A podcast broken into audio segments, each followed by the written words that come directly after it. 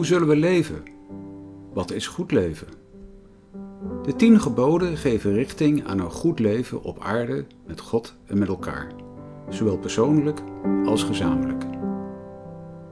Die oeroude tien leefregels wijzen ook vandaag een weg die we in gehoorzaamheid, vertrouwen en vrijheid kunnen gaan. We zoeken in deze podcastserie naar wat deze tien levenswoorden ons te zeggen hebben in onze tijd met alle ontwikkelingen en vragen. In de serie van 10 verdiepingsdiensten staan we één voor één stil bij de betekenis van de 10 geboden.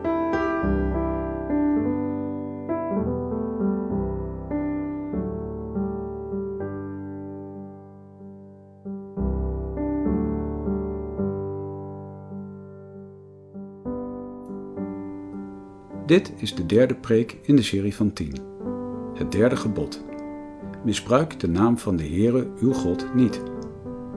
Voorganger is dominee Johan Visser. Opgenomen op 5 september 2021 in de Noorderkerk te Amsterdam.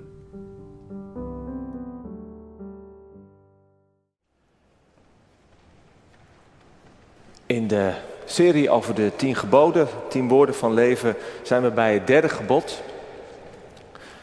Je zult de naam van de Heer je God niet misbruiken, niet zomaar, niet ijdel gebruiken, zoals dat in de oude vertaling staat. We lezen drie gedeelten die gaan over het gebruik van de naam van God en het spreken over God. Drie niet al te lange gedeelten. Ehm, eerst uit Prediker, Prediker 5, daarna uit het Evangelie van Matthäus, de bergreden, Matthäus 5. En we sluiten af met een korte lezing uit Openbaring 7. En na de lezingen loven we, nemen we de naam van God weer op onze lippen met Psalm 33, de versen 1 en 11 uit de Oude Beruiming. Prediker 5. Daar zegt de prediker, wees niet te snel met je mond en laat uw hart zich niet haasten een woord te uiten voor het aangezicht van God, want God is in de hemel en u bent op de aarde. Laat daarom uw woorden weinig in aantal zijn. Want zoals de droom komt door veel bezigheid, zo ook het gepraat van de dwaas door de veelheid van woorden. Wanneer u aan God een gelofte doet, stel dan niet uit die na te komen, want hij heeft geen welgevallen aan dwazen. Kom na wat u belooft. En het is beter dat u niet belooft dan dat u belooft maar niet nakomt. Sta uw mond niet toe uw vlees te doen zondigen. En zeg ook niet in de tegenwoordigheid van de engel, dat was een vergissing. Waarom zou God zeer toornig worden om wat u zegt en het werk van uw handen te gronden richten? Want zoals er in, een, in de in veelheid aan dromen veel vluchtigs is, zo is het ook met de veelheid van woorden. Daarom vrees God.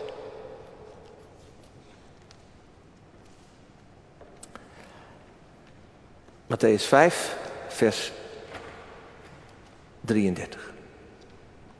Daarover is Jezus bezig met om de woorden van de wet een verscherping te geven vaak. En, hij, is, hij, heeft, heeft, gezegd, ik ben niet gekomen om de wet aan de kant te zetten, maar ik ben gekomen om die wet te vervullen. En wat die vervulling betekent is onder andere dat hij de geboden ook een soort diepere lading geeft. En uh, daar horen we um, hier, hierover, daar gaat het over het zweren wat ook te maken heeft met het derde gebod. Matthäus 5, 33. Jezus zegt verder, hebt u gehoord dat tegen de oude gezegd is, u zult de eed niet breken, maar u zult voor de Heere uw ede houden. Maar ik zeg u, zweer in het geheel niet. Niet bij de hemel, want het is de troon van God. En niet bij de aarde, want dat is de voetbank van zijn voeten. En ook niet bij Jeruzalem, want dat is de stad van de grote koning. En ook bij uw hoofd mag u niet zweren, want u kunt niet één haar wit of zwart maken. Laat uw woord ja echter ja zijn en uw nee, nee.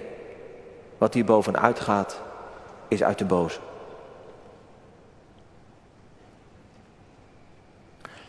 En dan openbaringen 7, want beide gedeelten gaan over voorzichtig zijn met je woorden, niet de naam van God misbruiken. En ja, hoe doe je het dan wel goed? Nou, dat horen we hier in openbaringen 7 vanaf vers 9. Daar ziet de profeet Johannes dit. Hierna zag ik en zie Een grote menigte die niemand tellen kon. Uit alle naties, stammen, volken en talen stond voor de troon en voor het lam, bekleed met witte gewaden en palmtakken in hun hand. En zij riepen met luide stem: De zaligheid is van onze God, die op de troon zit en van het lam. En alle engelen stonden rondom de troon, de ouderlingen en de vier dieren. En zij wierpen zich voor de troon neer met hun gezicht ter aarde en aanbaden God en zeiden: Amen. De lofprijzing, de heerlijkheid, de wijsheid, de dankzegging, de eer en de kracht en de sterkte is aan onze God tot in alle eeuwigheid. Amen.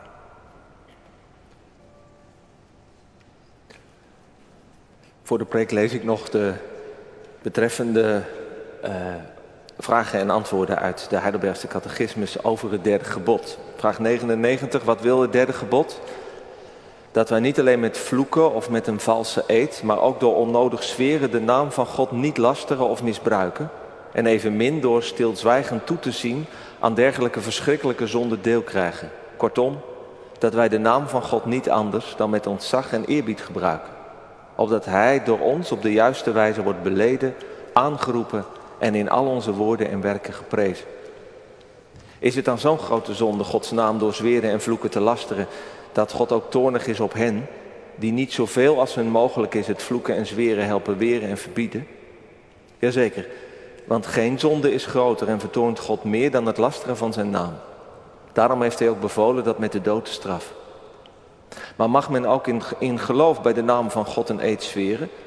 Ja, als de overheid het van haar onderdanen verlangt of als het om andere redenen noodzakelijk is om daardoor trouw en waarheid te bevestigen en dit tot eer van God en tot heil van de naaste is. Want een dergelijk zweren berust op Gods woord en is daarom ook door de heiligen in het Oude en Nieuwe Testament met recht in gebruik geweest. Maar mag men ook bij heiligen of bij andere schepselen zweren? Nee, want een rechtmatige eed zweren is God aanroepen dat Hij, die alleen het hart kent, de waarheid bevestigt en mij straft als ik vals zweer. Deze eer komt geen schepsel toe. Nou, op een aantal van de woorden uit de catechismus kom ik in de preek ook nog wel terug. Gemeente van Jezus Christus. In de vakantie stond ik op een begraafplaats van soldaten die in de Eerste Wereldoorlog in Noord-Frankrijk zijn gesneuveld. Altijd een beetje raar dat je voor je ontspanning op die plek van de dood komt, maar het is een toeristische attractie geworden. En een indrukwekkende altijd ook, want wat van deze, het was een gemengde begraafplaats, wat van deze Duitse en Franse, maar ook Algerijnse en Marokkaanse jonge mannen restte, was hun naam. Een paar letters in een grafsteen gebeiteld, die de naam die nog ja, overbleven van wat er van die mens restte. Dat die namen daar hele lange tijd, misschien nog wel eeuwen blijven staan, is mooi, is ook een vorm van genoegdoening voor het feit dat zij het slachtoffer werden van een vreselijke goddeloze oorlog. En in juni dit jaar stonden er op de stranden van Europa ook gedenktekens voor de 44.000 vluchtelingen die in meer dan 25 jaar aan de grenzen van Europa zijn omgekomen, althans van wie we het weten. En ik zag in de, in de, in de pers een foto van zo'n houten gedenkteken die allemaal vrijwilligers hadden gemaakt. Naam onbekend stond erop. Hoe verdrietig is dat? Ja, wie ben je nog zonder naam? Want een naam hebben, bij je naam worden genoemd en zelfs na je dood nog met je naam worden herinnerd, dat is een teken van menselijkheid. Iets van onze waardigheid als mens. Je bent iemand, want met je naam kun je worden aangesproken. Nu, om diezelfde reden heeft God een naam. Omdat God aangesproken wil worden, genoemd, gekend, ja zelfs bemind. Dat is trouwens niet vanzelfsprekend. Ja, misschien vinden wij het in de kerk heel vanzelfsprekend, omdat we de naam van God hè, zingen en altijd horen. En, en misschien in ons gebed ook altijd weer noemen. Maar je kunt God ook naamloos beleven, toch? Als een, een soort van onpersoonlijke kracht, oerenergie. waar je wel iets van kan voelen, maar geen naam. Of, of een ver vaag iets, een vraagteken, misschien wel bij jou in je leven. Dat je denkt, ja, dat is natuurlijk al die namen, ik ken ze wel van God, heb ik geleerd op de kinderkerk en de zonderschool, maar, maar ergens is, is God vooral een vraagteken. En natuurlijk is God niet een iemand, een persoon zoals wij. Dat beeld van die oude man met die baard op een wolk, dat is veel te klein gedacht van God. Maar God is wel een God met een naam. En die naam heeft Hij ons bekendgemaakt en gegeven. De God van de Bijbel die is niet zoals de andere goden uit de Bijbeltijd aanwezig in een beeld. Daarover ging het de vorige keer in het tweede gebod. Maar hij is aanwezig in zijn naam. Zo wil hij onder de mensen zijn. Als er dan een, een heiligdom komt hè, in Israël, in het Oude Testament, eerst die tent en later de tempel, dan staat daarin geen beeld, maar dan staat daar die ark in. Zo'n kist. En de, de, vorige keer ging het daar ook over, die, ja, die, die, die kist, dat kan ook weer een soort beeld worden. Hè? Dan heb je toch een ding waar je God aan kan vasthouden. Dan kun je zeggen, kijk, de Heere God die is hier met die gouden kist. Hij is, hij is in die tempel. Die tempel zelf, dat is een soort, dat, dat, dat, dat valt samen met God. Maar dat is niet zo. God woont niet in die kist. God woont zelfs niet in die tempel. Die tempel, hè, wordt er gezegd, dat is hooguit zijn voetenbankje. Maar de tempel is de plek waar God zijn naam heeft laten wonen. Zo komt het een heel aantal keren voor in het Oude Testament. God kiest voor een plek, ja, daar wil hij zijn, maar hoe kiest hij daar? Hoe wil hij er zijn? Door daar met zijn naam te zijn. En die naam, natuurlijk, je kunt verschillende namen voor God hebben, God, Vader, maar uiteindelijk gaat het om die centraal, die belangrijkste naam van hen, met die vier letters. Een vorm van het werkwoord zijn. Ik ben. Ik ben er. Ik ben die ik ben en ik ben aanwezig op in deze wereld. Ik wil aanwezig zijn in, in je leven. Voor jullie. Dus de naam van God die staat voor, ja, voor wie hij is. Het is de samenvatting van, van zijn wezen. En als die naam wordt genoemd, geprezen, ja, dan is God daar. Dan wil hij daar zijn. Hij troont op de lofzangen van Israël. En meer nog, die naam die wordt door de priesters, en zo doen wij het nog steeds in de kerkdienst, die wordt op de mensen gelegd. Dat vind ik een mooi beeld. Leg de naam van God op de mensen en dan gaat die naam met je mee je leven in. Maar daarmee neemt God natuurlijk wel een risico.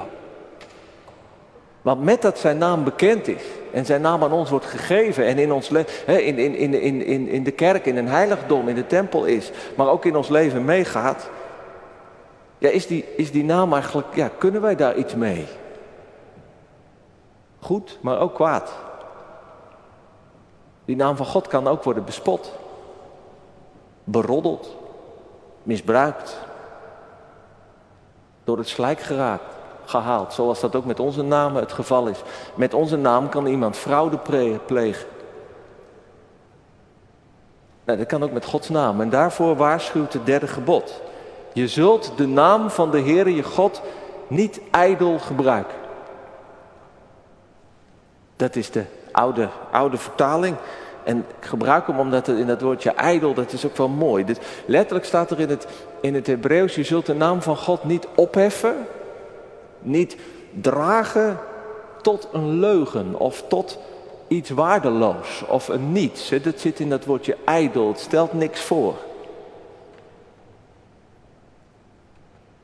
En de waarschuwing in het gebod, want de Heer zal niet voor ons schuldig houden die zijn naam tot een leugen of tot, tot, tot iets zinloos opheft. Ja, dat laat niet alleen zien dat God het, zijn naam echt serieus neemt, maar ook dat het niet zomaar om iets kleins gaat. Ja, waar moeten we dan aan denken? Want je kunt natuurlijk het gevoel hebben van, nou maakt de Heer God zich echt daar zo druk over, over zijn naam. Waar gaat het dan om? Vier dingen. In de eerste plaats aan het zweren bij de naam van God. Een eed uitspreken. Ik weet niet of jullie, jongens en meisjes, of jullie veel zweren. Ik moet eerlijk zeggen, wij deden dat vroeger nog wel eens een keer als je spelen was. En dan, dan geloofde je ze niet en dan ging je zweren. En ik zal niet voordoen hoe wij dat deden. Deden we niet bij de naam van God. Maar, maar zweren, dat is dan wil je iets echt, je zegt het, het klopt. Dan geef je extra gewicht aan je woorden. Het is niet alleen genoeg dat je zegt, nee het is zo. Of, of ik zal het echt doen. Nee, je, je zweert erbij. Nou, als je dat met de naam van God doet, dan roep je eigenlijk God erbij als getuige. De Heere God die mag meekijken. bij de officiële eed is dat natuurlijk, klinkt dat ook zo. Waarlijk helpen mij God alwachtig. Ik meen dat echt, ik beloof dat en, en God mag me helpen, maar ik roep er ook God als getuige bij.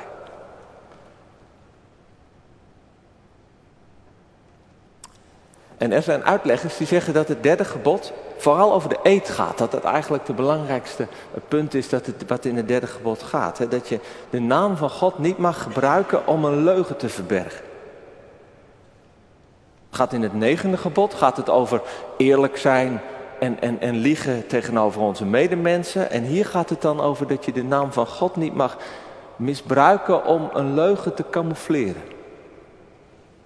Je zou het kunnen vergelijken met iets heel gewoons wat we hebben met keurmerken, met, met voedsel en met kleding. Een keurmerk, dat is gegeven zodat wij erop kunnen vertrouwen dat bijvoorbeeld kleding, dat dat onder redelijk goede omstandigheden is geproduceerd. Of dat voedsel bijvoorbeeld biologisch is. Dat kunnen wij niet allemaal nagaan, maar zo'n keurmerk zegt dat mag je vertrouwen. En je hoeft niet, de supermarkteigenaar hoef je niet op zijn blauwe ogen te vertrouwen, maar dat, dat, dat is een keurmerk voor. Nou, keurmerken kunnen ook op allerlei manieren kan, kan, kunnen die misbruikt worden natuurlijk. En de ergste vorm van misbruik is als iemand gewoon, gewoon weet ik veel wat, ergens producten koopt die vreselijke situaties zijn geproduceerd en daar toch zo'n mooi keurmerkje op, op plakt. Nou, dat is ook het misbruiken van Gods naam bij een eed. Je doet het keurmerk van God op je woorden, maar je woorden kloppen niet. Nou, in het christendom wordt er verschillend over de eed gedacht. Ik heb het gedeelte gelezen uit de bergreden, waar Jezus eigenlijk er geen enkele ruimte voor laat. En ook de, in de brief van Jacobus komt dat voor. En het doel van Jezus is dat hij wil juist onderstrepen dat we altijd oprecht moeten zijn. Want met zweren is natuurlijk het gevaar dat je zegt, nou ja, als je zweert is het echt waar, maar als je niet zweert, ja, dan hoef je het niet zo heel serieus te nemen. En dat wil Jezus juist, het, dat, dat wil hij niet. Laat je ja, ja zijn en je nee, nee.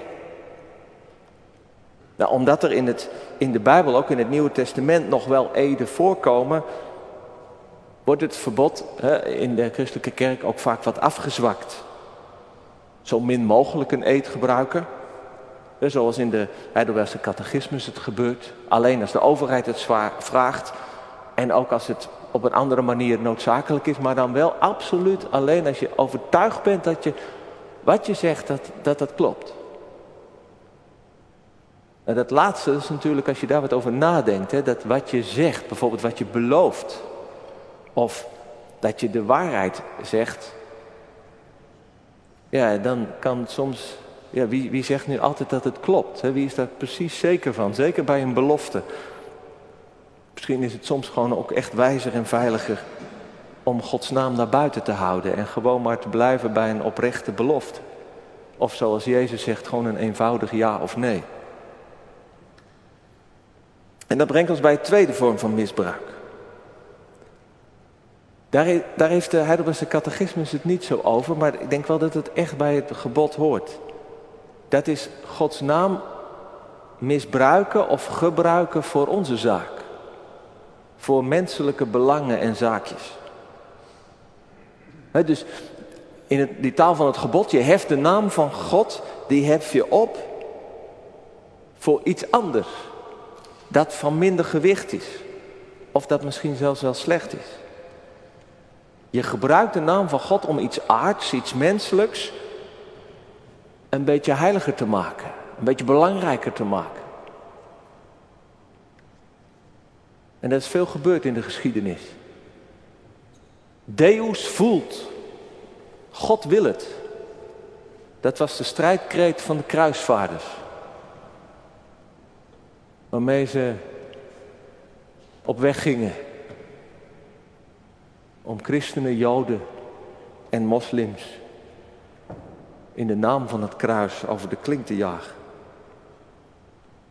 In God we trust staat er op de dollar.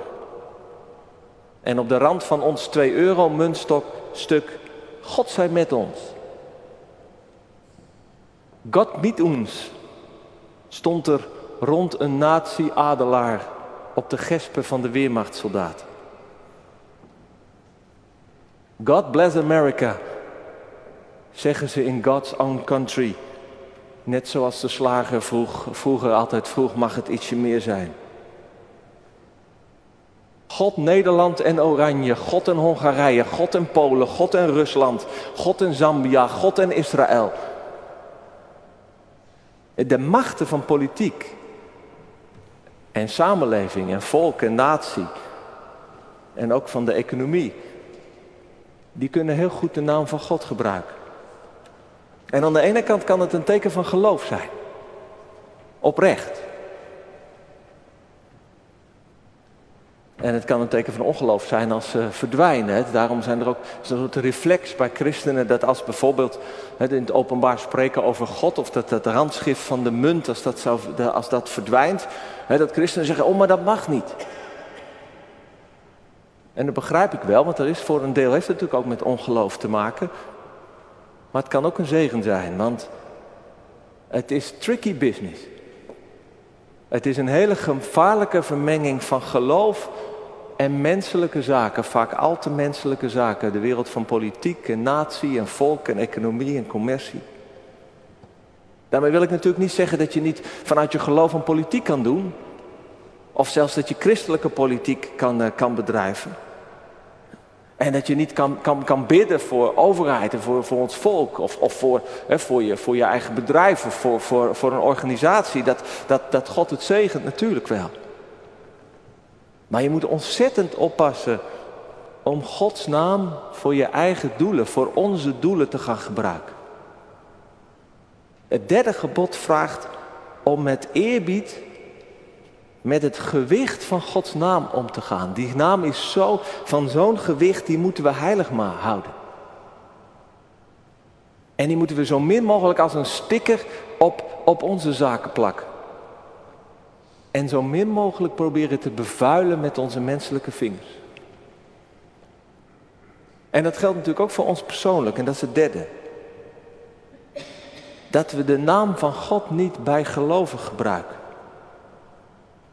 Dat kan doordat je het een beetje op een magische manier die naam gebruikt. Hè? Dus als een soort formule of soms als een amulet. Hè? Dat je de naam van God als een, aan, een kettingje uh, hebt. Of, en dat je dat denkt van nou dat, die naam die zal mij automatisch wel beschermen. Of erger nog dat je de naam van God gebruikt om anderen te vervloeken. Nu zie ik dat volgens mij niet heel veel voorkomen hier onder ons. Het heeft met onze cultuur te maken. In andere culturen is dat een reëel gevaar. Maar het kan ook subtieler. Ik las van dominee Jan Koopmans, die in de Tweede Wereldoorlog predikant was. En die schreef over het derde gebod. De ernstige zonde, de ernstigste zonde tegen dit gebod is de gebruikelijke christelijke stichtelijkheid. Die wel de mensen over hun gevoelige zielen aait, maar die de Heere God niet minder lastert dan het achterloze vloek. Koopmans die bedoelt dat onze vroomheid, onze stichtelijkheid, dat dat ook een leugen kan worden. In de zin dat wij het allemaal over God hebben, maar dat het helemaal niet over God gaat zoals God werkelijk is. Zoals Hij zich bekend heeft gemaakt in zijn naam. Dat het eigenlijk gaat over onze eigen ideeën, over onze eigen emoties. Of erger, dat het niet veel verder komt dan wat religieus gebabbel van ons. God dit en God dat en God zus en God zo. Nou, als ik het zo zeg, dan denk ik dat jullie al gevoel hebben. doe eens wat eerbiediger. Maar dat kan dus ook met, met heel veel gepraat van ons gelovige mensen. Want er leeft vaak, denk ik, een, een soort wat vrome gedachte dat als we maar over God spreken, dat het goed is. Of hoe meer je het over God hebt, hoe beter. Hoe meer je deelt van je ervaringen met God, hoe geloviger je bent. En ik weet dat is voor, voor veel mensen is het ook een oprecht, oprechte gedachte. En als je wat introverter bent, of, of je bent wat ouder en je hebt vroeger niet zo geleerd om je te uiten over God en je geloof en je wat diepere zielen roeselen, dan kun je je nog ongelovig ook voelen. Of, of een beetje ongemakkelijk misschien. Kijk, en de woorden van de prediker die we hoorden, die, die zijn dan een bemoediging voor u of voor jou. En ze zijn een waarschuwing voor de, voor de vrome babbelaars en godsdienstige praters. En daar reken ik mezelf ook wel bij. Althans, het is ook een waarschuwing aan mij. Prediker zegt, wees niet te snel, snel met je mond. En laat je hart zich niet haasten een woord te uiten voor het aangezicht van God. Want God is in de hemel en jij bent op de aarde. Laat daarom je woorden weinig in aantal zijn. Want, en daar sluit u mee af, zoals er in de veelheid aan dromen veel vluchtigs is, zo is het ook met de veelheid van woorden. Dat woord vluchtig, dat is een beetje dat woord ijdel, het stelt niks voor. Daarom vrees God. En het gaat in de, bij prediker in de eerste plaats over dingen beloven voor God. Hè? Dus dat je bij, bij God komt met allemaal woorden wat je, wat, je, wat je belooft. Of een soort publiekelijk ja-woord, hè, wat wij bij de geloofsbeleidenis hebben. Maar ik denk dat het ook geldt voor al ons spreken over God en het gebruiken van zijn naam. Wees niet te snel. Durf ook gewoon te zwijgen. Spreek liever één oprecht woord uit je hart dan dat je vanuit het idee dat je altijd iets te zeggen moet hebben over God, of vanuit de angst voor de stilte, Gods naam gebruikt, terwijl het uiteindelijk gaat over jouw ideeën of, of gevoelens of je behoefte aan gebabbel. Vrees niet de stilte, babbelaars, maar vrees God. En dat laatste geldt ook voor vloeken. Dat is het vierde waar het, waar, waar het bij het misbruik over gaat. De naam van God als een krachtterm. Of een vloek. Of een loze kreet gebruiken. De Heidelbergse catechismus is hier heel streng hierover.